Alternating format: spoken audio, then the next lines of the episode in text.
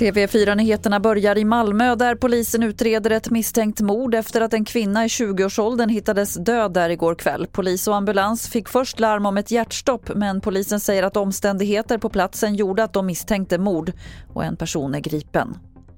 Och polisen har hittat en kropp i sökandet efter 25-åriga Liselott som varit försvunnen sedan förra lördagen. Kroppen är inte identifierad än men Liselotts anhöriga är underrättade. Igår häktades en man i 45-årsåldern misstänkt för mord och människorov. Han nekar till brott. Nu ska Arbetsmiljöverket inspektera 70 sjukhus, framförallt akutsjukhus, efter att skyddsombud över hela landet slagit larm. Hög arbetsbelastning, personalbrist och överbeläggningar där patienter vårdas i korridorer.